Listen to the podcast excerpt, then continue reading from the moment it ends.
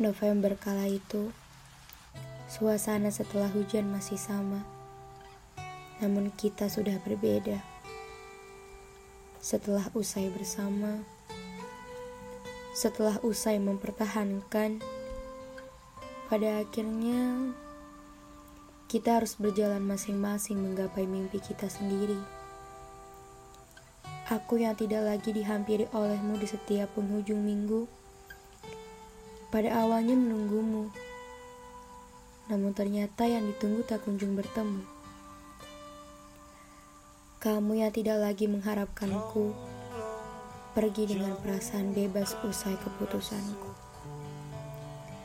Kawanmu, kawanku, bahkan mengharapkan perasaan kita disudahi karena ceritaku perihalmu sudah bukan bahagia lagi. Ku dengar kabar baik dari temanmu. Kamu sudah menemukan pengganti terbaik menurutmu. Ya, sebenarnya bukan kabar baik untukku. Tapi aku sudah bukan bahagiamu. Meski sayangnya, rumahku masih kamu. Bahkan, aku kadang lupa mencarimu untuk bercerita tentang hari ini. Pernah kupikir, tak apa ke mana pun kamu pergi, asal aku tetap rumahmu. Tapi ternyata, hanya aku yang berpikir begitu. Pada akhirnya, aku bisa mengikhlaskan kepergianmu. Juni apa kabar? Notif nama-namamu mengirimi pesan itu.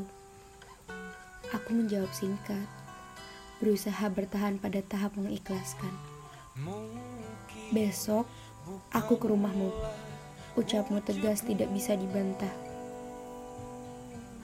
Kamu tahu, aku senang, apalagi saat bertemu denganmu.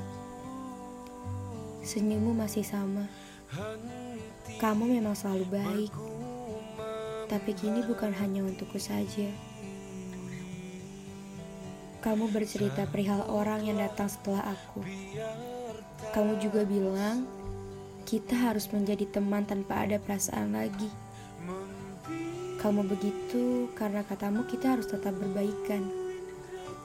Kuiyakan dengan setulus hati karena kupikir begitu memang jalan paling baik. Setiap penghujung minggu kamu datang lagi seperti biasa, menceritakan hari-harimu yang sibuk dengan hal-hal membahagiakan. Syukurlah, kamu baik-baik saja. Tapi ternyata aku salah. Begitu tidak berlangsung lama. Kini, akhir September, kita tidak saling mengabari, apalagi bertemu. Aku tidak tahu perihal hidupmu lagi. Sudah terlalu jauh. Mungkin kamu akan mendengarkan ini suatu saat nanti. Dengarkan baik-baik. Halo, apa kabar ibumu? Apa kamu masih sering pulang malam? Apa kamu masih sering membuka foto kita dulu? Apa kamu masih menyimpan fotoku? Ingat gak jalan yang sering kita lewati? Aku masih sering ke sana tanpa tujuan. Karena jalan itu jadi jalan kesukaanku. Suatu saat, aku ingin kamu menetap pada satu orang Jangan disakiti, hargai selalu, jangan dikecewakan ya.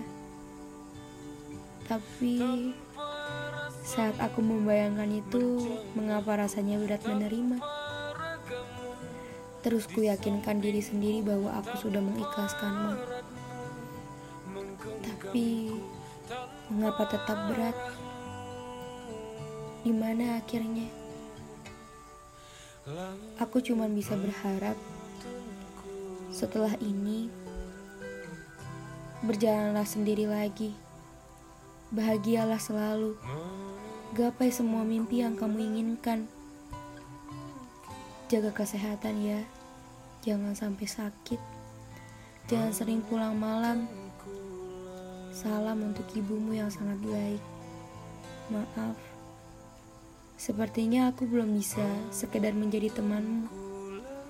Maka kupikir sudah saatnya kita berakhir.